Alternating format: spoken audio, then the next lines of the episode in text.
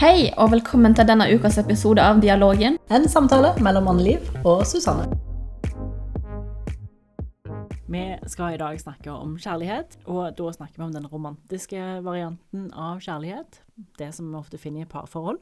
Vi håper at dere vil være snille og sende oss masse kjærlighet gjennom meldinger og Likes. Det er jo hjerter. ja, Ja. masse hjerter i eh, alle medier. Vi er på Instagram under, under Dialogen podkast.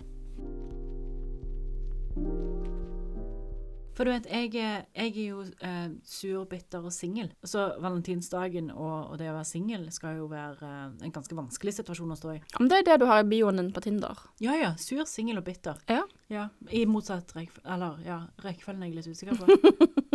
du da, hva syns du om valentinsdagen? Jeg er ikke fan. Nei. Jeg er egentlig fan. Eller sånn delvis, men ikke sånn Jeg syns det er kleint. Det er fordi er at Altså, Valentine's Day er 14. februar, og det er liksom da én dag i året hvor du da skal vise kjærlighet. Det trenger ikke bare å være i et romantisk forhold, men det kan jo være til venner og familie, sant? Og så tenker jeg sånn Litt sånn klisjé, da. OK, hvis du virkelig trenger én dag i året på å vise det, og komme hjem med blomster, kan du liksom ikke bare gjøre det på en dårlig mandag jeg har? For da setter jeg så mye mer pris på det, for jeg føler at det ligger sånn i lufta, og sånn forventning om at det er valentines, og da må du gjøre noe fint for noen andre. Jeg husker jeg var i USA for noen år siden, over jul og nyttår, og jeg tuller ikke når jeg sier dagen etter nyttår. Alle matvarebutikkene hadde bare kledd seg om til valentines. Og da tenker jeg jo dette her med de store korporasjonene, da, som tjener penger på valentines, og andre sånne markeringsdager vi har i året, da. Men altså, på en måte er det koselig. Jeg husker når jeg var liten, så på barneskolen så pleide jeg alltid å gi småting til jentene i klassen, da. De fikk liksom hvert sitt armbånd eller love hearts eller noe sånt. Og det syns jeg er koselig, men det viktigste er jo at hvis du på en måte liker valentines og vil feire det, så gjør det, men ikke gjør det fordi du føler du må, men fordi du har lyst, da. Jeg syns jo valentinsdagen er kjempekoselig. Og når jeg sier jeg er singel og bitter, så er det veldig veldig langt ifra sannheten. Jeg er veldig enig med deg. Det skal ikke være kommersielt. En trenger ikke ut og kjøpe noe. En trenger ikke gjøre noe veldig spesielt. Men det er en dag der en feirer kjærligheten. Og hvis en har noen som en er glad i, som en Jeg tenker hovedsakelig på et romantisk forhold, så feirer en den dagen. En feirer den tida sammen. Setter pris på hverandre og bruker den dagen som en unnskyldning, egentlig, for å tilbringe tid sammen, for å gjøre noe i lag. Framfor at det skal være en sånn Det skal ikke være et liksom, påbud om noe, men det er mer nå har vi en unnskyldning for å faktisk bruke mer tid på oss sjøl. Sette av tid til det. Ja. For to år siden på valentines, vet du hva jeg gjorde? Nei. Jeg var på speeddating. Stemmer, jeg skulle være med der, men det var da jeg la meg syk. Jeg var på speeddating, og det var så gøy. Og det var eneste grunnen til at jeg turte å gå, det var fordi vi skulle gjøre det for ironien sin skyld. Det var bare for løye. Og vet du hva, det var kjempegøy. Og det var jeg som sto bak, det var jeg som arrangerte dette, det var jeg som dro dere med. Så var det som... du som endte opp med ikke å bli med, men Å, det var jeg jeg og noen andre som dro. Det var Men- sykt gøy. Vi gikk først ut på restaurant, spiste god mat, drakk vin og gikk på speeddate, som var på en bar, da. Og da drakk vi jo òg. Nei, vet du hva, det var kjempegøy. Året før det igjen, da bodde jeg i India. Valentinsdag der. Det var ikke sånn supermarkert, men jeg husker hun eh, samboeren som jeg bodde med da, hun kom hjem med en sånn Pikachu-bamse til meg, og så sånn en eh, gassballong som var som et sånn hjerte, da. Det var veldig skjønt. Så da gikk jeg og hun ut og spiste og koste oss, da. Så koselig. Og det tror jeg er de eneste to gangene jeg har gjort noe på Valentine's Day. Utenom det så har jeg liksom bare hatt Det har vært en vanlig dag for meg. Jeg tror aldri jeg har markert dagen. Og du var gift i nesten 20 år. Jeg var ikke gift så lenge, men jeg var i et forhold som varte 17 år. Hm. Men det, det, han likte ikke Valentine's. Nei. Det respekterer vi. Så ja, nei. Jeg tror ennå Jeg har aldri fått noe til Valentine's Day. Jeg har aldri markert den på noe som helst sett vis. Jeg lurer på om jeg satt og så en romantisk komedie for å liksom, ja, feire kjærligheten litt alene. Jeg legger jo merke til i dag da, at du har på deg en rosa topp. Sant vel? Her er det gjennomført. Mm. Når du skrev opp at vi skulle ha en episode om kjærlighet, så tenkte jeg sånn Yes, da kan jeg endelig få snakke om hvor mye jeg elsker dyr. Og så skjønte jo jeg at du bare sa nei, nei, nei. Vi skal snakke om romantisk kjærlighet til andre mennesker. Og jeg bare sånn Å ja, OK. Men da må du love meg at vi har en egen episode. Om kjærlighet generelt? Ja. Ja, ja, vi kan, vi kan kjøre 14 forskjellige. Ja, sant? Et om kjærlighet til, katter, et om kjærlighet til hunder, et om kjærlighet til gullfisk. Her er det ingenting som setter grenser utenom vår egen fantasi. Sant vel. Ja. Men i dag skal vi jo da altså snakke om kjærlighet Ja. mellom mennesker. Store norske leksikon har eh, definert dette her som en erotisk følelse, en hengivenhet for person av det motsatte eller samme kjønn, eller slik gjensidig følelse mellom mann og kvinne, eller to personer av samme kjønn. Så det er den emosjonelle følelsen, Ikke, ikke den den fysiske. fysiske. Selv om de er ofte nært relatert. All you need is love, sier Beatles. Ja. Eller trenger vi det i det hele tatt? Hva er dette her? Vi har jo ikke tenkt å sitte her med hjerter i øynene og bare sprudle hele veien. Men jeg skal se litt på hva er dette her for noe. For jeg er veldig fascinert av kjærligheten, og har egentlig alltid vært det. Jeg har likt romantiske filmer og bøker, og, og er jo generelt på en måte veldig glad i livet og folk rundt meg og så mye. Jeg har liksom sagt det, at jeg er litt sånn forelska i livet generelt. ja, altså Beatles sier jo da at all you need is love. Og du trenger kanskje litt andre ting enn bare love, da. Luft og kjærlighet kan du leve lenge på. Vi begge er jo ganske fascinert av språk, da. Det tilsier jo både utdannelsen vår og yrket vi har. Og det som jeg syns er veldig fint med det norske språket, er at vi har mer sånn utdypende mening når det kommer til språk rundt kjærlighet, enn det f.eks. er på engelsk. For på engelsk så kan du jo si I love you. Det kan jo bety ganske mye, men på norsk så skiller vi jo som regel mellom frasen 'jeg er glad i deg' og 'jeg elsker deg', og at det å si at du elsker noen er mye mer dypere, da, enn Ja. å være glad i noen. Akkurat det der, det har de f.eks. ikke på engelsk. Nei. Og det liker jeg veldig godt med språket vårt, at vi liksom veldig tydelig skiller mellom det. Og da setter vi jo òg grenser, for du, du kan jo si at du er glad i alle vennene dine. Og noen sier jo at de, de elsker dem, men i en sånn romantisk relasjon så har jo det en annen betydning, da, enn å på en måte bare være glad i den personen. Ja, du har liksom gått over til noe annet når du sier du elsker noen.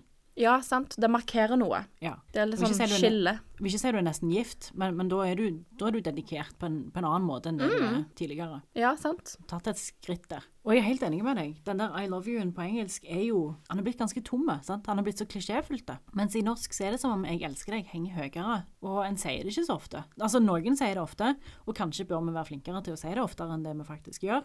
Hvis en er i en sånn relasjon der en, der en kjenner på det, så skal vi jo ikke være redd for å si det. Bortsett fra første gangen, for det kan jo være dritskummelt. Det er skummelt. Jeg var den første som sa det. og jeg husker fra det øyeblikket jeg innså at vet du hva, jeg, jeg elsker han fyren her, så gikk det et halvt år før jeg torde å si det. Oi, shit. Veldig, veldig tidlig i det forholdet så fant jeg ut at jeg elsker han. Ja. Men jeg sa det ikke fordi Og dette vet han om, dette har jo jeg fortalt ettertid, da. Fordi det var, vi var ganske tidlige i forholdet, eh, men vi holdt ganske lenge på ord, da. Så hadde jeg jo kjent han lenger enn det vi hadde vært sammen, da, selvfølgelig. Og så tenkte jeg sånn, eh, for vi skulle på ferie, da, så tenkte jeg OK, jeg skal si det når vi er på ferie. Men jeg sa det ikke på ferie. jeg klarte det ikke, fordi når du på en måte har sagt det, du kan ikke ta det tilbake. Det er så mye makt i de tre ordene. Og på dette tidspunktet her så går mer rundt og sier liksom 'Jeg er glad i deg. Jeg er veldig glad i deg.' sant? Men det, det stopper der, da. Og da går liksom jeg rundt i liksom et halvt år og bare liksom kjenner på at jeg elsker han. Og det var flere ganger hvor jeg holdt på å si det, men på en måte klarte å stoppe meg sjøl rett før. Og veldig mange ganger så tenkte jeg det, men sa det ikke høyt. Jeg kan faktisk ikke huske når jeg sa det høyt første gang. Jeg bare husker den prosessen før, hvor jeg bare Jeg klarte ikke. Jeg lå i senga, for eksempel, og tenkte Si det. Si det. Si det nå! Sant? Jeg ble sånn irritert på meg sjøl. Bare si det. Altså, men det var så skummelt. Det er skummelt. Også, men så er det òg det at det skal henge litt høyt. For Du skal ikke bare kaste det rundt Nei. og liksom og du sier ikke det til veldig mange i løpet av livet. Jeg, jeg har hatt en som har sagt det til meg. Oi, ja. og det var, det var altfor fort og altfor tidlig, og ikke gjengjeldt. Kunne du være ærlig om det, da? Jeg klarte det ikke akkurat der og da i den situasjonen. Ja, Da var så jeg du svarte. sånn Da var jeg mer der sånn eh, Dette kommer ikke jeg til å si så tidlig i, i en relasjon. Men det var jo bra, fordi du Ja, kunne ja. jo liksom Sagt takk. Har du lyst å høre en kjempemorsom historie? Nei. jo. Og nå skal jeg utlevere meg sjøl, og dette er egentlig en veldig, veldig pinlig historie. Men jeg var unge. Jeg var veldig mye sjuk når jeg var liten, så jeg var mye på sykehuset. Og der har jeg da en barnelege, da. Doktor Børresen het han. Eh, og han hadde jeg, jeg vet ikke helt, men han, han for eksempel han skjegla, og han prata litt sånn utydelig. Og den ene gangen jeg og mamma var på sånn konsultasjon da, hos han, så tipper jeg at jeg er seks år. Og liksom backstory nå, det er at jeg er alene hjemme, og så sniker jeg meg til å se en voksenserie som heter The Passion. Med blant annet Timmy, en sånn liten gutt. Å, den, ja! Ja, det er noe heksegreier. Den er steindårlig. Den er så dårlig, men for en seksåring så er den serien ganske skummel, og mamma sa du får ikke lov å se The Passion. Det var, det var mennesker som ble brent, og det var på en måte litt sånn Hotell Cæsar da, men jeg var for liten for det, sant? Den Men- sånn halvspansk telenovela. Ja, men jeg var så fascinert, så når jeg kom hjem fra skolen, og de dagene jeg var alene hjemme, da så jeg The Passion. Så det som nå Nå skal vi tilbake til sykehuset, da, hvor vi sitter hos eh, legen min. Og så kommer han nærme meg, så sier han Du, Susanne, hvordan går det egentlig med The Passion? Og jeg bare Hæ?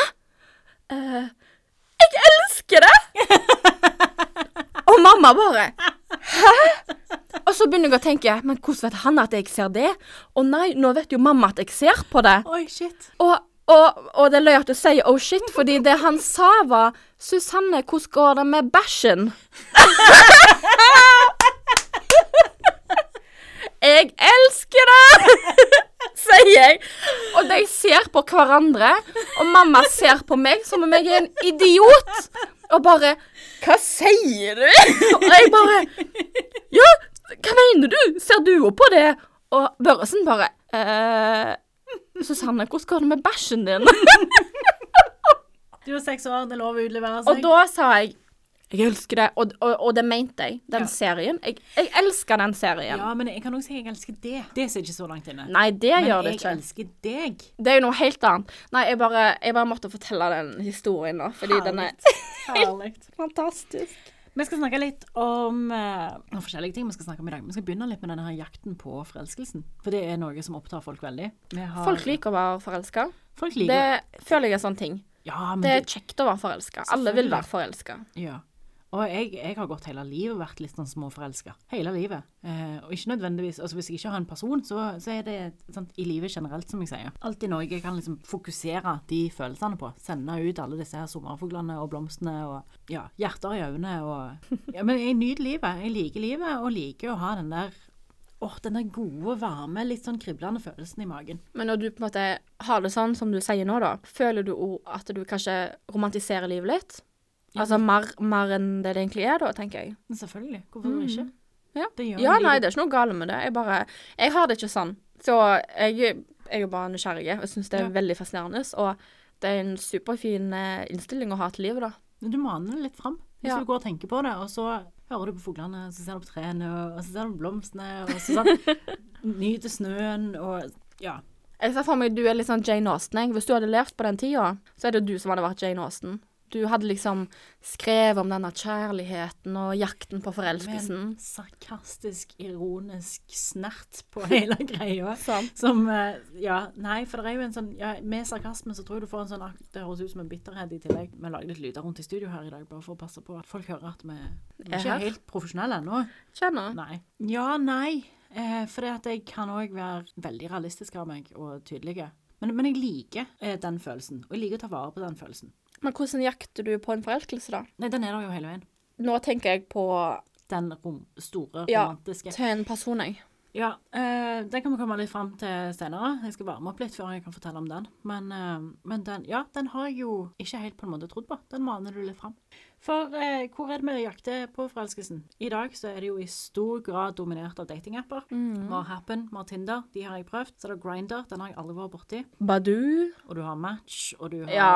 Ja. Og, men dette er jo egentlig ikke noe nytt, fordi du skal jo flere tiår tilbake i tid, hvor du finner kontaktannonser i ukeblader og andre typer magasiner, sant? Så det å liksom søke kontakt på en sånn plattform hvor mennesker er ukjent, eh, det er jo ikke noe nytt i seg sjøl, men de plattformene du kan være på i dag, som er eh, hva skal vi si, mye mer levende og multimodale, da, i og med at det skjer her og nå, og du kan få se bilder, du kan få se film, tekst, ja, all, Ja. dette samspillet, da. Og det er mange som har kritisert det, for dette det blir en slags shopping etter kjærligheten. Og den må jeg si at jeg egentlig ganske uenig i. For at eh, hvis du går inn i et rom med 100 forskjellige folk, så er det en, ofte ytterst få av de 100 som du egentlig biter deg merke i, og legger, legger merke til og har lyst til å ha noe mer med å gjøre. Og eksempel på Tinder, da, så kan du jo da gi oppmerksomhet Ja. til de personene du vanligvis kanskje ikke hadde lagt merke til i et større rom. Ja, så sånne ting vil jo variere. Ja, så det motsier Altså, Men- det men det- motsier jo litt seg sjøl, da. Så det er jo liksom opp til hva du sjøl skal bruke det til. Ja. Altså hva du søker, da. Oppsøker. Så det, men det er mye vi kan kritisere dem for. For det, ja, sant, det er utseendefiksert, og det er ditt og det er datt. Men det er jo piker det livet òg. Mm, det er vi jo uansett. Ja. Så, så utseendefiksert, ja. Og, og blir det litt shopping av det, ja. Men det som er litt dumt med det, er jo det at det, der en i virkelige livet ville gitt et blikk eller et smil, Det som, spontane. Så må en her åpne med ord, og en må sette i gang en interaksjon mellom to stykker. Og så er det det at folk er veldig flinke, nei, veldig lite flinke på å slippe den etterpå. Så da er folk som bare sletter, ghoster, forsvinner, sånne ting. Så dermed så blir det jo Folk legger plutselig mye mer i det, og så når du da Altså både i det positive og i det negative, så er det mer knytta til det. Så ja, vi kan kritisere dette her, men, men i dag så er realiteten at eh, de aller fleste møter folk ah, som de er Eller som de håper å finne en romantisk relasjon med, skjer på digitale flater. Og det er jo ikke noe du skal være flau over eller prøve å skjule. Jeg husker liksom i min tid på Tinder da, for noen år siden, så var det jo en del bioer som var sånn jeg er villig til å lyge til foreldrene dine om hvordan vi møttes. Som om det på en måte er litt skambelagt å møtes på Tinder. Det er det jo ikke. Altså, jeg er helt ærlig med andre og sier at jeg møter Billy på Tinder. Skal jeg fortelle deg noe annet? da? Min eksmann, som jeg var sammen med i 17 år, som jeg traff når jeg var 15, han traff jeg på IRC. IRC? Og der ser du hvor ung du er, for du har aldri hørt om dette her. Nei. Det er et chatprogram som eh, Før MSN? Før Messenger. IRC, ja, OK. IRC, eller MIRK var det noen som kalte det. Ja, det, OK, jeg har hørt om det. Mm. Så bra. Så der han, så alt, alt er mulig. Men han var fra en annen plass i landet, og var litt Ja. Og det visste jeg ikke. Nei, sant? Selvfølgelig ikke. Det er masse du ikke vet om meg. Veldig komplekst menneske. Mange historier. So mysterious. Oh yes. Og utleverende. Ja. Sissel Gran har jeg lest en del av. Hun er blant de som, som har kritisert litt. Uh, Hun får foregår mye på sånn uh, Facebook, uh, sånn reklame på en måte. Oh, ja. For hun er sånn psykolog eller Psykolog terapeut. og relasjonsterapeut. Ja, tror jeg. Hun har skrevet mye bøker og har lest mye av det. For dette, det her er jo et emne som fascinerer meg. Jeg syns det er veldig interessant. Så ja, vi er jo på jakt etter det. Og så er det jo noe alle er fascinert av.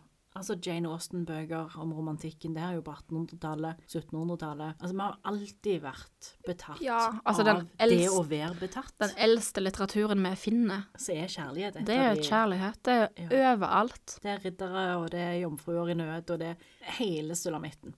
Runepinner. Den, eh, Ja. den fra Bryggen i Bergen hvor det står 'Gyda sier at eh, du må komme hjem'. Ja, Det er jo kjærlighet, det. Han var ute og på fest og drakk. Og så har du de borti Meishaug på Orkenøyene. Der er det vel mer sånn konkret at eh, han tok hun bakfra sist han var i Stavanger. så ja. Eh, romantikk, relasjoner, parforhold, det har jo alltid, alltid vært vesentlig. Ja, og det ser vi jo i nesten alle spor ifra, ifra tidens, uh, tidens gang. Mm. Mm. Så folk er opptatt av relasjoner, og noen er på jakt etter forelskelsen, denne her altoppslukende følelsen som overgår alt og overdøver alt. Og, Jeg tenker forelskelse er så Det er så sterkt at det nesten blir en eh, Altså, for meg blir det en tilstand ja. du er i. Men så er det òg mange som, som egentlig bare på jakt etter forholdet, stabilitet, trygghet og den spenninga som oppstår i det du er på en måte på, jakt, på vei inn i et sånt forhold. Ja. For den, den er tryggere, den er mer stabile. Forelskelse er jo ikke stabilt. Å, det er jo som å bli smelt i hodet Ja. og magen. Og Det er jo, på altså, det er jo helt jævlig, men samtidig fantastisk. Ja. På godt og vondt. Jeg har øh, Fra min første forelskelse, så, så er det jo sånn at du, du spiser jo ikke.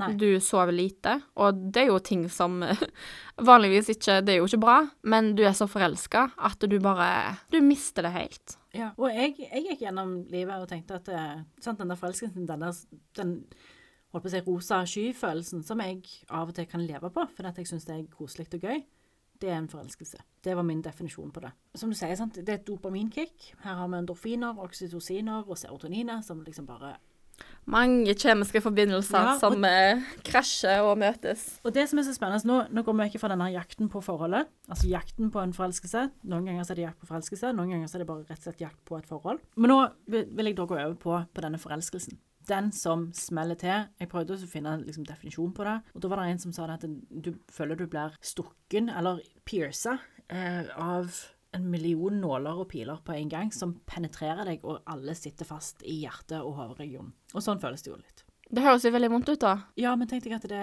ikke egentlig gjør vondt, men du bare kjenner alle Det disse skuddene komme gjennom kroppen din, Ja. uten at de egentlig etterlater skade, men at eh, du blir truffet av noe allikevel. Jeg tror liksom at hvis vi hadde spurt eh, si 20 personer om hva er en forelskelse, så tror jeg vi hadde fått 20 forskjellige svar. Det tror jeg òg. Ikke langt ifra, i hvert fall. Mm. Jeg tror ikke vi klarer å finne liksom én fasit som på en måte gjelder for alle, men sånn som du som på en måte knytter inn kjemiske, kroppslige forbindelser og sånn. Mm. Ja, det er jo noe som vi beviser skjer, men hvordan vi på en måte tar imot de følelsene og håndterer de, det er jo opp til hver enkelt.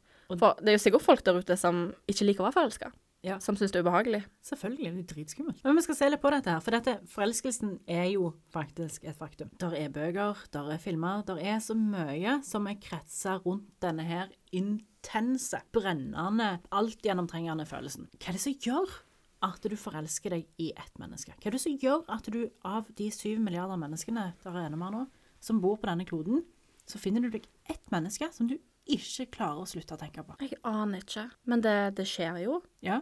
Jeg har liksom, Nå er jo jeg litt sånn Jeg er, jeg er ikke religiøs, sant? Men jeg tror på sjelevenn. Mm. Jeg tror på det. Vi, rent eh, naturvitenskapelig, er jo bygd opp av celler og energi. Og jeg tror noen mennesker bare passer sammen, Mm. med tanke på forelskelse, da.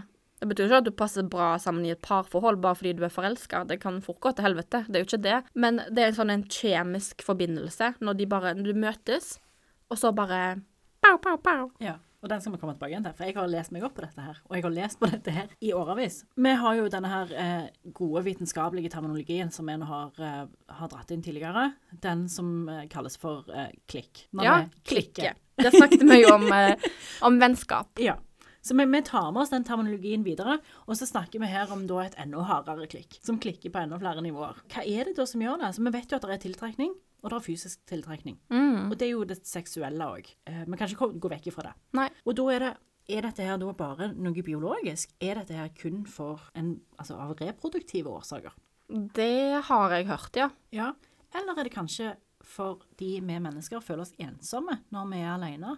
At vi er på jakt etter noen som vi slipper å være ensomme sammen med? Denne her forelskelsen som jeg skal inn på senere, er jo den fatalistiske. Sant? Da føler du at det, at det er meninga at to skal være sammen.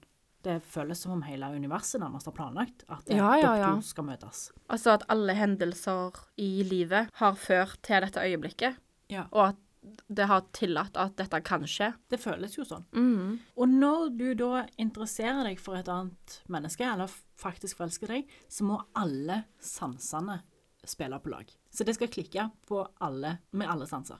Fem sanser. Fem sanser. Du har øynene. De ser mange forskjellige ting. Det kan være ganglaget til vedkommende, det kan være hvordan de ser ut, det kan være huden, det kan være håret, hender, armer, rygg. Men sant, her eh, Ja, Susanne gestikulerer til de mer erogene sonene på kroppen. Eh, og Men sant, øynene er med å, å gjøre Og der har vi forskjellige ting som er tiltrukne av òg. Jeg har jo venninner som har funnet seg typer der jeg har tenkt mm -mm, What the fuck? -mm. Du, du, er jo, du er jo veldig pen og attraktiv. Hva skal du med han? Mm. Men da er det ting hun ser som du ikke ser. Sant vel? Og det er, enklere er elementer som hun liker med det. Og sånn er det bare.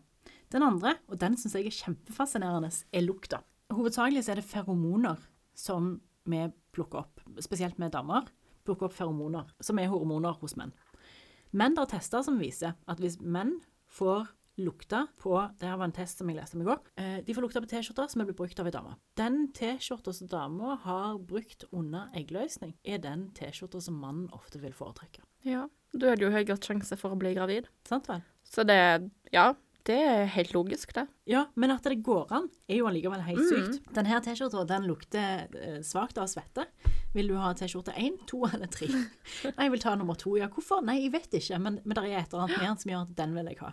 Vel? Og da er det den T-skjorta som er brukt av ei dame som har eggløsning. Det er helt sykt og helt søkt. Det må jo være et instinkt som vi ikke klarer å sette ord på. Men det er mennene. Men med damer og det er alltid noen som sier ja, det skal være så kompleks og skal være så avansert. Men hos damer så viser det seg at vi lukter noe som de kaller for HLA-molekyler. HLA-molekyler er med på å bekjempe sykdom.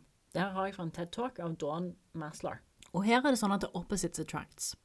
Så damer vil ha menn som bærer på HLA-molekyler som er annerledes enn sine egne. Disse eh, HLA-molekylene transplanterer sånne T-lymfocytter. Og så gjenkjenner du da forskjellige sånne hos hverandre. Og det er ikke bare kødd med disse her. For dette, hvis det er forskjellig HLA-type hvis du skal kjøre en transplantasjon mellom to mennesker, så vil kroppen være med å utstøte. Det har ikke bare med, liksom, med blodtype og sånne ting å gjøre, men det har òg med HLA-molekylene som finnes hos individene. Mm, I organer og Så sånn. hvis ikke HLA-molekylene er ganske like, så vil du faktisk vil kroppen være med og så utstøte denne her eh, transplanterte organet. Og av disse så finnes det minst 8000 forskjellige typer. Og der er vi jenter rundt og prøver å lukte oss til rette matchen. Jeg har en teori om hvorfor det er sånn. For det, det du sier om eh, menn som foretrekker T-skjorter som har blitt brukt av kvinner med eggløsning, sant? Da er vi inne på reproduksjon. Og hvis damer er tiltrukket av menn som har de motsatte molekylene som er bekjemper sykdom, det er for å få friske unger. Selvsagt. Absolutt. Ja, det Men- gir mening. Men du skal først like utseendet. Hvis du ikke liker utseendet, så gidder du ikke lukte. Nei, akkurat. Sant? Så Altså, nå snakker vi jo som om vi er dyr. Ja, ja men sant, det er det, det dyriske elementet i det. Men så har du òg ører. Du skal like stemmen til vedkommende. Og der er det òg noen ganger så kan du faktisk bare si nei, den, det, det går ikke. Selv om du liker det fysiske, Ja. med, som du ser med øynene, Så åpner de så kjeften. åpner de kjeften, du hører stemmen, Og og, Nei. Nei. Nei. Hvis du begynner å tenke deg om, så, så har du sikkert folk du har Av en eller annen grunn så tenker du nei, vet du hva, jeg syns ikke han var så attraktiv. Tinder må begynne med sånn uh, lydfil. sånn, Lydfil, legge opp et klipp av at du sier hei og hva du heter, liksom. Kan du legge igjen en blodprøve, så vi kan sjekke dine HLA-molekyler opp mot hennes HLA-molekyler?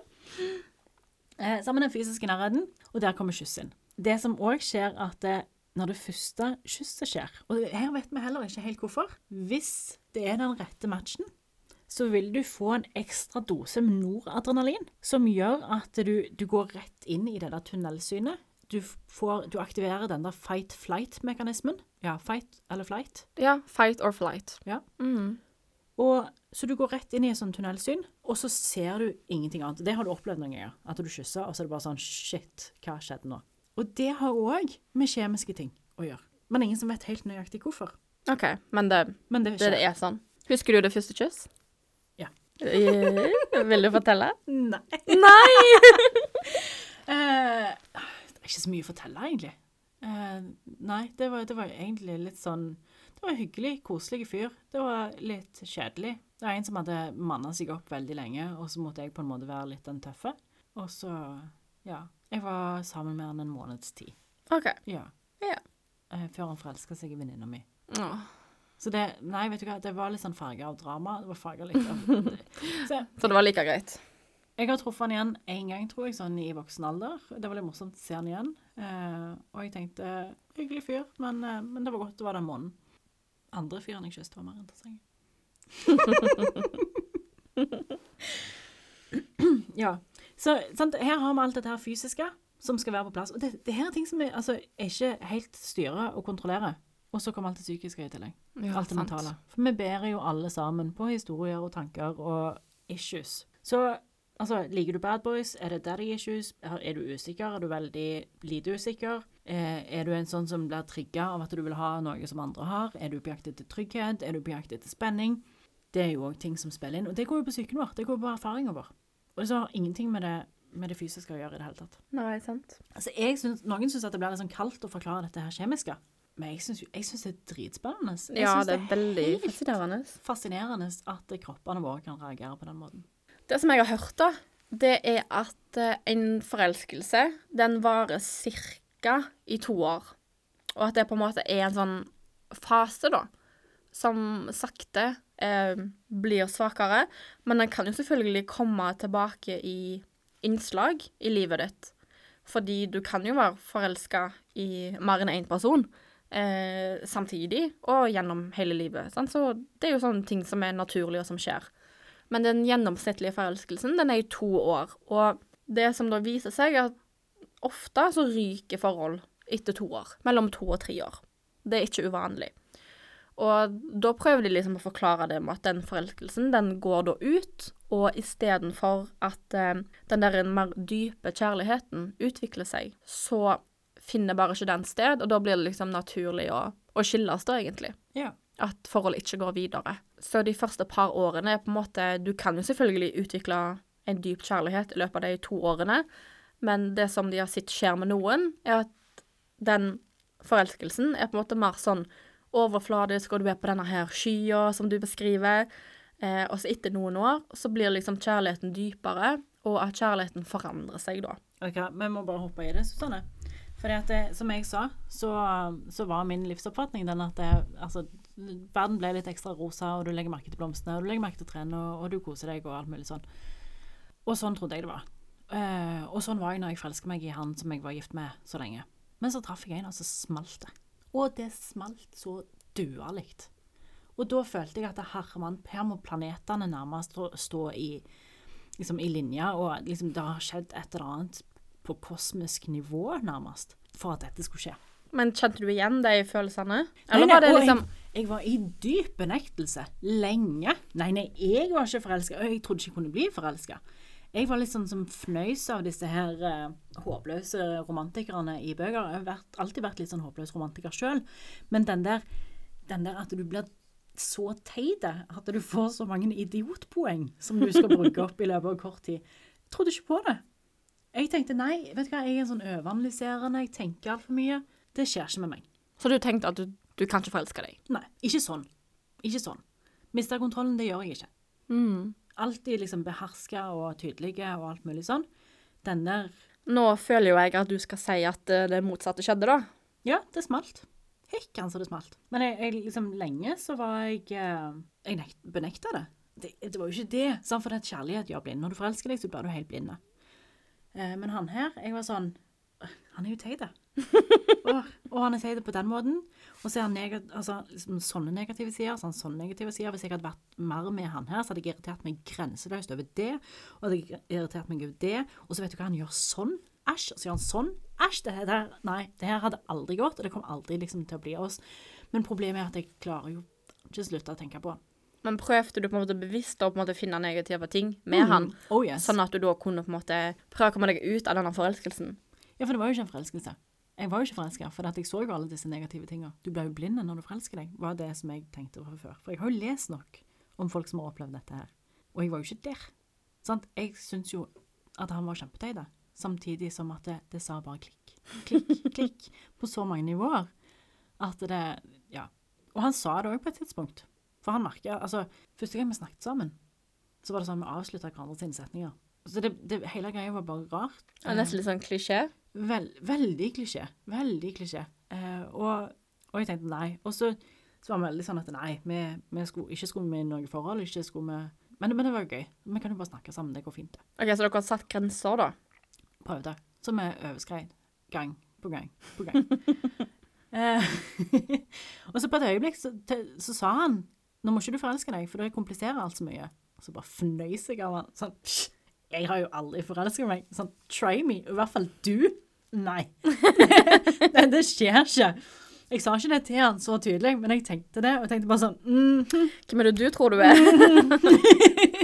Men så måtte jeg bare på et tidspunkt bare innrømme at det, shit. Jo da, jeg eh, forelsker meg. Men hva var det som gjorde at du skjønte det? Jeg klarte jo ikke å slutte å tenke på han. Og så føltes det som at det, det, det her måtte ikke. Det var ikke noe sjanse utenom. Det var som at det, dette her sjelevenn-greiene som du snakker om Ja, jeg måtte bare innrømme at det, her, her er det følelser, og det er følelser som jeg ikke kan helt kontrollere. Altså, jeg kan kontrollere alt rundt. Jeg kan kontrollere hvordan jeg agerer, og hvordan jeg, liksom, hva jeg foretar meg. Men, men selve følelsen, det, det gikk ikke an å, å kontrollere. Og det var nytt for meg. For jeg har jo alltid kontroll på følelser. Men ikke da. Ikke da. Da smalt det. Men nå sitter vi jo her og Du er singel, da? Singel og bitter og sure. Ja, nei, eh, det ble jo ikke oss. Eh, men eh, der kan vi bare la det bli en sånn åpen slutt. Her, vær så god, folkens. Kjør fanfiction. Hvorfor sitter Anne Liv her med den der utrøstelige kjærligheten som aldri ble noen ting av? Her, her kan vi skrive masse rart. Ja, her kan det jo Hva skjedde med han? Hva skjedde med han? Flytta han til utlandet? Ja, Kanskje han var fra utlandet? Var han gift? Det kan òg være. Er han på en reise til månen? Det kan, nei, Mars er vel mer aktuelt. Okay, jeg ja. vet ikke hvor de reiser hen nå, NASA og sånn. Uh, kan være han var kongelig og ikke kunne gifte seg med Mm. ei uh, alenemor. Det kanskje er han en omreisende trubadur. Send en forslag. Ja. Men jeg tenker at jeg må få tak i han en eller annen gangen. Eller kanskje har han forsvunnet på havet, kanskje jeg ikke kan få tak i han. Kanskje er det egentlig er hun som jeg ikke bare vil innrømme, og ingen av oss var klar for det. Her er det så mye. Men jeg tenker at eh, hvis vedkommende skulle, skulle finnes der ute, da, så tenker jeg at det hadde vært greit om uh, hen eh, kunne kjøre kurs. For at, eh, jeg er jo litt i tvil på om, om jeg kan forelske meg igjen. Men hvis, hvis vedkommende da kan kjøre kurs, sånn at noen andre kan ta det kurset, så Nei da, vi fleiper. Eh, Ernst Hemingway sa i en av boka si, eller han sa ikke, men det var en karakter i boka hans som sa at eh, en sånn type forelskelse får du én til tre ganger i løpet av livet. Ja, det har jeg òg hørt. Så vi satser på at det Eller vi vet jo det. Det kommer, kommer en annen. Du har noe til gode. For nå må jeg jo innrømme at jeg, jeg har hatt denne her smellen. Jeg har kjent på den. Så jeg må akseptere at den fins. Og jeg tenker jeg er sykt heldig som har fått oppleve det. For det er ikke alle som gjør det. Så du er ikke sånn som på en måte sitter og tenker tilbake og på en måte er bitter og sånn 'Å, det ble aldri noe av'. Du har jo merka det, hvor bitter jeg er. Du, Du ser liksom Du tar liksom med deg de gode erfaringene, da. Og sikkert de lærdommene du Ja, ja. lærte etter, etter dette, da. Som jeg har sagt før, livet er for kort til å sitte rundt og vente eller uh, være bitter på noe som ikke skjedde. Og så vet du at du har mer til gode. og så har det jo skjedd så mange andre ting òg som jeg ikke hadde fått opplevd hvis det hadde blitt meg og hen. Mm. Sånn at det Ja, nei, den er, den er helt i orden. Den er tilbakelagt kapittel. Men denne smellen har jo definert meg på en måte allikevel. Ja, for nå vet du jo hva du jo hva, kan få, skal forvente. Ja. Så, nei, men som jeg sier òg, det er ikke alle som får oppleve den. Det er fremdeles folk jeg snakker med som er eldre enn meg, som sier at det, nei, jeg tror ikke på den smellen. Og nå kan jeg sitte og si nei, greit, men Jeg har hatt den, jeg har kan du si. Ja. Selv om jeg, nå har det gått så lang tid òg, at jeg begynner å tenke at eh, nei, det var kanskje bare en illusjon. Men da har jeg heldigvis deg, da, så du var jo til stede gjennom dette. her, Så du Jeg kan smelle meg i fjeset og si Jeg er vitne, så jeg, eh, jeg kan bekrefte at det, det smalt yeah. for din del. Nei, jeg vet hva, jeg angrer ingenting. Det var, det var en fantastisk kul opplevelse. Eh, veldig hyggelig person som dette her skjedde med, så det er bare, bare gøy. Men som jeg sier, det har påvirket meg, fordi nå må jeg akseptere at det skjer. Derfor så klarer ikke jeg å gå inn i et forhold nå uten å forelske meg. For da føler jeg at jeg bare velger noen. Og det får ikke jeg til. Det kan ikke bare bli sånn. Det må være, det må være litt fyrverkeri, det må smelle litt. Og Det er jo- Det er jo den ene tingen som du ikke kan styre, da.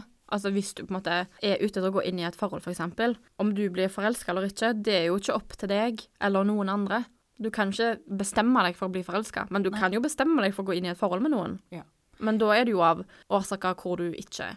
Ja. Altså, du vet jo du kan jo ikke bli forelska fordi du bestemmer deg for å bli det.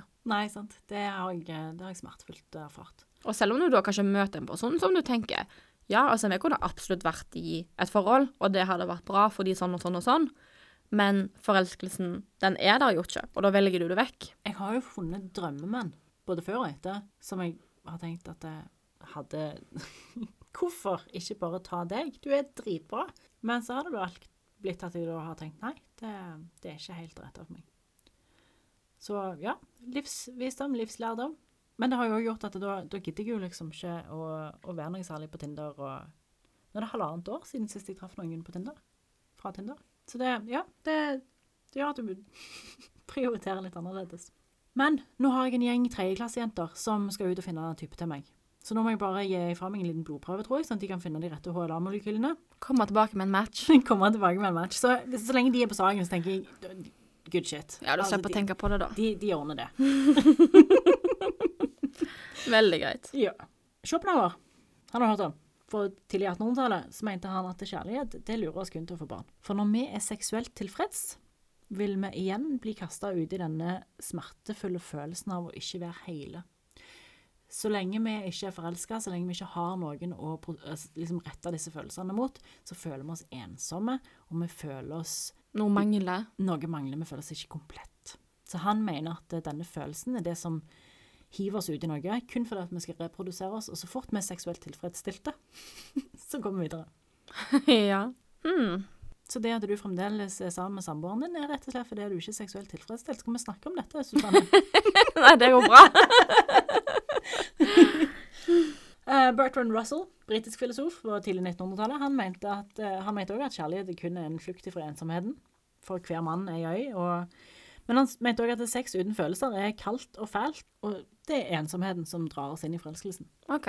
At det nesten er en sånn illusjon, da, eller en sånn menneskelig trøst. Ja, men nå vet jeg ikke hvor mye disse to hadde snakket om HLA-molekyler, sånn at uh, her drar vi jo inn litt kjemi som de kanskje ikke var bevisste på. Mm.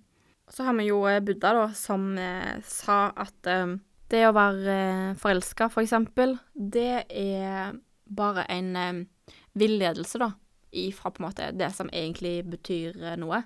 Altså en som eh, praktiserer buddhisme, for eksempel munker og sånn, de skal jo for eksempel ikke ha sex, og ikke gifte seg. Eh, men du har jo miljøer hvor dette er lov, da. Sant? Men nå tenker jeg på de som på en måte gjerne bor i kloster og sånne ting. Og det som Buddha sa da, var at eh, eh, han har jo en sånn lære da som handler om de fire edle sannhetene. Akkurat som den gir en sånn slags eh, diagnose da til mennesker. Hva som er galt med mennesker, hva mennesker gjør galt. Og så er det en sånn oppskrift på hva mennesker skal gjøre rett, da. Og for målet til en buddhist er jo nirvana. Og når du er i nirvana, så slipper du å bli gjenfødt. Ja. Gjenfødelse er egentlig en straff, da. Og en av de tingene da, som på en måte ikke hjelper deg til nirvana, det er det som er begjæret. Og det er for eksempel forelskelse, eh, kjærlighetsforhold, sex, sånne ting. Distrahere Det deg. distraherer deg da, ifra det endelige målet. Så det er på en måte med Buddha stiller det nesten som en sånn diagnose, da. Ja, så det, det skal du bare holde deg vekk fra. Mm. Begjæret er det som Begjæret er summen av tre holdninger. Uvitenhet, grådighet og hat. Heftige Så ord, dette her, da. det er liksom å være selvsentrert, da. Og at du eksempel vil ha forelskelse fordi det er en følelse du liker. Ja, Da er du selvsentrert. det er kun rus. Og det, det er grådig. Det er kun rusen vi er ute etter. Jeg liker bare Beauvoir, jeg, da. Jeg liker franskmennene der. Franskmennenes kjærlighetsforhold og sånn i tillegg, de er jo kjent for det. Men eh, Beauvoir mener at kjærlighet gir oss noe større enn oss sjøl. Det her var på midten av 1900-tallet. Men det gir oss en mulighet for å linke vårt liv til en annens, og så gir det oss mening.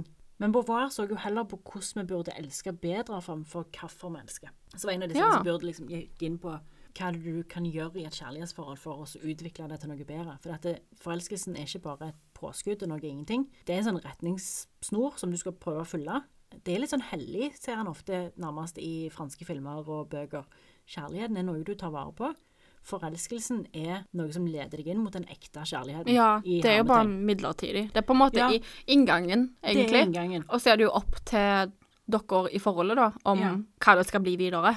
Ja, og sånn som jeg sier nå, at, eh, og det har jeg diskutert mye med en kompis, jeg, jeg må forelske meg før jeg går inn i et forhold. Og så har han vært litt sånn, ja, men, men altså, den kan komme etter hvert, og, og ja, jeg er med på den, etter den men jeg går, går ikke inn i et forhold der, liksom, for å se om jeg kanskje kan forelske meg. Jeg må bli ganske betatt før jeg gidder. Og han har satt en del spørsmålstegn med dette her, og jeg har sagt nei, jeg må, jeg må ha disse idiotpoengene. Og han kom over et eh, relasjonsterapeutpar, begge to psykologer, og jobbet med dette her ganske lenge.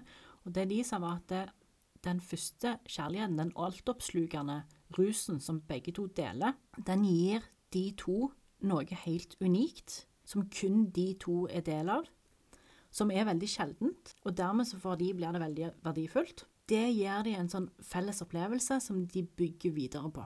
Par som har hatt denne her intense forelskelsen sammen i begynnelsen, de kjenner ikke på tvilen senere. For du har en sånn følelse av at dette her er nærmest meant to be. Og den likte jeg, så den kjøpte jo jeg, da. For jeg var sånn, nå, har- nå har jeg mast om denne her forelskelsen.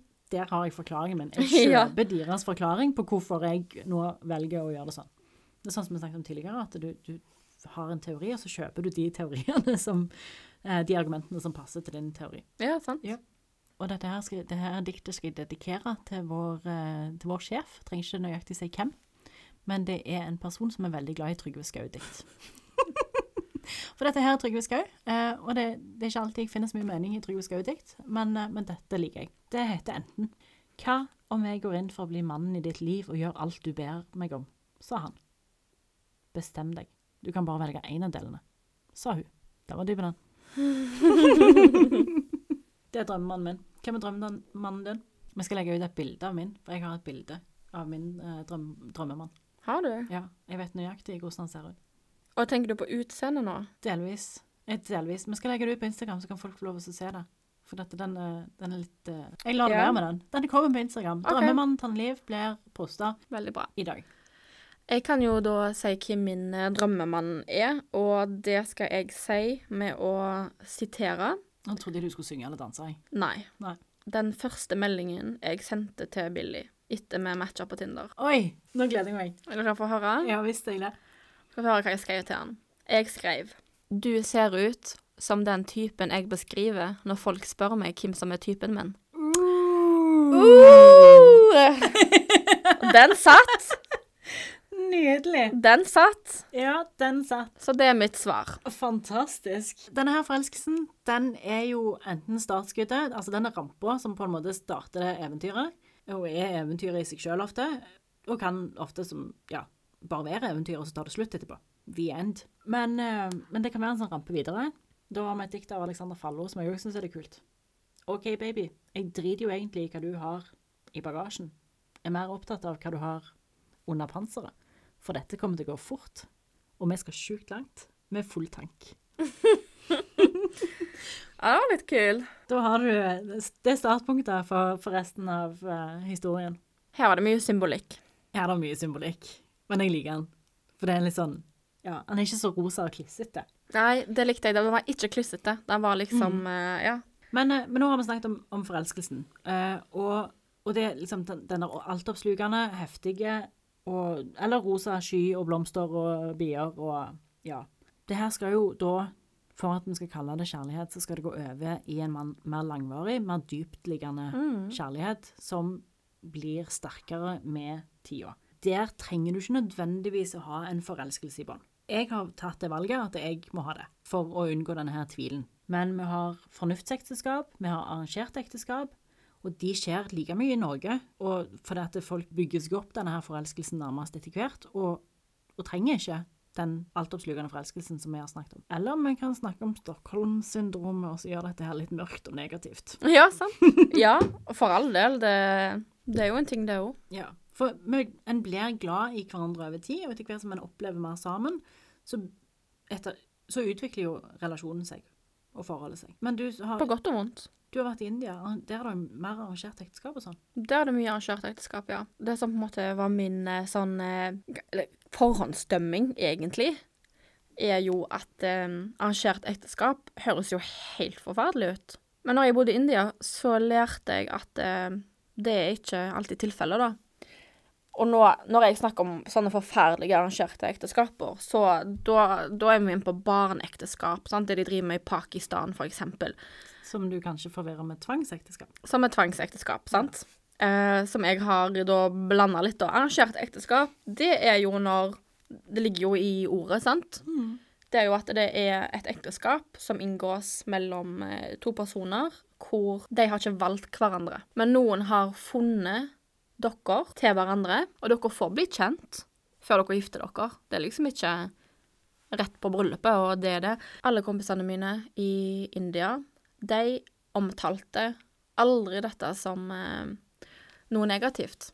For det var normalen. Ja. Alle der var forberedt på å gjennomgå et arrangert ekteskap. Det omvendte av arrangert ekteskap, vet du hva de kaller det for? Det tror jeg Jeg har hørt ordet Mm. love marriage. Love marriage, ja. Ja. Så de Altså, snakket om det. Vil du gifte deg ut av kjærlighet, eller at det er arrangert? ja. De fortalte jo at de, de fikk lov å velge, men at det var veldig uvanlig, da, å finne Få seg en sånn love marriage. Mm. For det er ikke vanlig, men det skjer. ja. Sånn som det er da, er at realiteten er jo at det fortsatt er et veldig, veldig sterkt kastesystem i Ja. India, eh, spesielt der jeg bodde, som var veldig langt sør. Der er det sånn at du må holde deg innenfor din egen kaste. Og i kasten så er det jo for forskjellige yrker, for eksempel. Det eksempelet jeg kan trekke fram, da, det er en som eh, En kompis av meg som tilhører en relativt lav kaste, da, som vi ville kalt det for. Han tilhører det vi kaller for eh, jordbrukskasten. Han møtte ei jente som tilhører samme kaste. Helt fantastisk. Så da snakker vi jo om et love marriage som de ville ha. Men siden hun kom fra en fiskerfamilie, Oi. fiskekasten innenfor samme kaste, Ja. gikk ikke. Nei. Så de ble nekta å ha kontakt. Bare på grunn av Bare på grunn av det. Og de var dødsforelska. Ja, sant. Og han hadde så et kjærlighetssorg, men det var ingenting å gjøre. Eh, så der er det Der godtar de bare at det skal være arrangert, og det er kulturen. Mm. Og vi som står utenfor, må jo bare respektere det, tenker jeg. Og det de sjøl forklarer, da, er jo at de, de blir jo kjent, og de, de dater, sant, og blir gjerne ofte forelska i hverandre òg. Mm. Og så gifter de seg, og da er det jo en pakt der, da, hvor de lover hverandre, og at de da sier at kjærligheten, den kommer etter hvert. Ja, og det, det treffer du jo på Tinder òg i dag. Nå er det folk som kommer med nærmest eh, holdt på å si avkrysningsprøver, eller skjemaer som for å fylle ut. OK, du oppfyller det kravet og det kravet og det kravet og det kravet. OK, check. Det kan bli oss to. Ferdig med den saken. Ja, sant.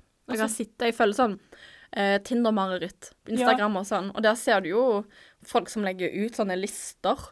Ja. Eh, må ha sånn og sånn utdannelse, du må være Ja, men- over men jeg- 1,80, du må ha brunt hår. ja, men jeg har opplevd det, og vært på date, og liksom fått en del av disse her spørsmålene, og har hatt menn òg som har sagt det samme om damer som kommer. Kan du sånn? Gjør du sånn? Gjør du sånn? Ja. Og selv om jeg har ikke kjent på at det har vært noen form for kjemi eller sånt, en akseptabel, grei fyr, og alt er innafor, og det samme har disse mennene som jeg har snakket med, sagt om damer. Og så er det det, er det liksom. Men hvis du skal velge, så er det jo så sykt mange å velge mellom. Hvordan skal du da klare å ta et valg og si deg vil jeg ha? ja, det er kjempevanskelig. Og hva skjer da om det smeller etterpå? Ja. Med noen andre? ja, det skjer. Men da er det jo bare en eh, Da er det Buddha som kommer og sier at det, det her er bare en distraksjon. Let it go. jeg vil eh, dra inn en sang som heter Made Up Love Song Number 43 av Guillemot. Den har ikke jeg hørt. Den syns jeg er helt aldeles nydelig, og den handler om dette denne forelska følelsen. Når du ser skjønnhet i alt du ser. Og så vil jeg dra inn um, The Planets Bend Between Us. Når denne forelskelsen er så sterk og intens at du føler at planetene beveger seg i bane rundt deg pga. dette. Jeg må nevne Anna igjen, for hun blir sånn Hun blir nesten litt starstruck når vi sier navnet hennes. For hun ga meg uh, I Don't Know Why av Astrid S Den er fin. Som òg er denne her forelskelsen. Yes, men vet du hva? Vi skal gi oss med dette her, og så Nå har vi snakket om forelskelsen, og neste uke så skal vi gå inn i den der dype, varme, lengelevende, fantastiske kjærligheten som varer lenge. Nå følte jeg nesten at jeg fikk meg den der kjærlighet uten grenser-stemmen. Ja. Ja, plutselig så ble det så rolig. ja. Veldig behagelig. Kan vi jo begynne å si kuk her, da? Ja. Ja. Send kuk til 1900 Nei, jeg vet ikke hvor. Men du, Susanne. Takk for praten. Takk for praten.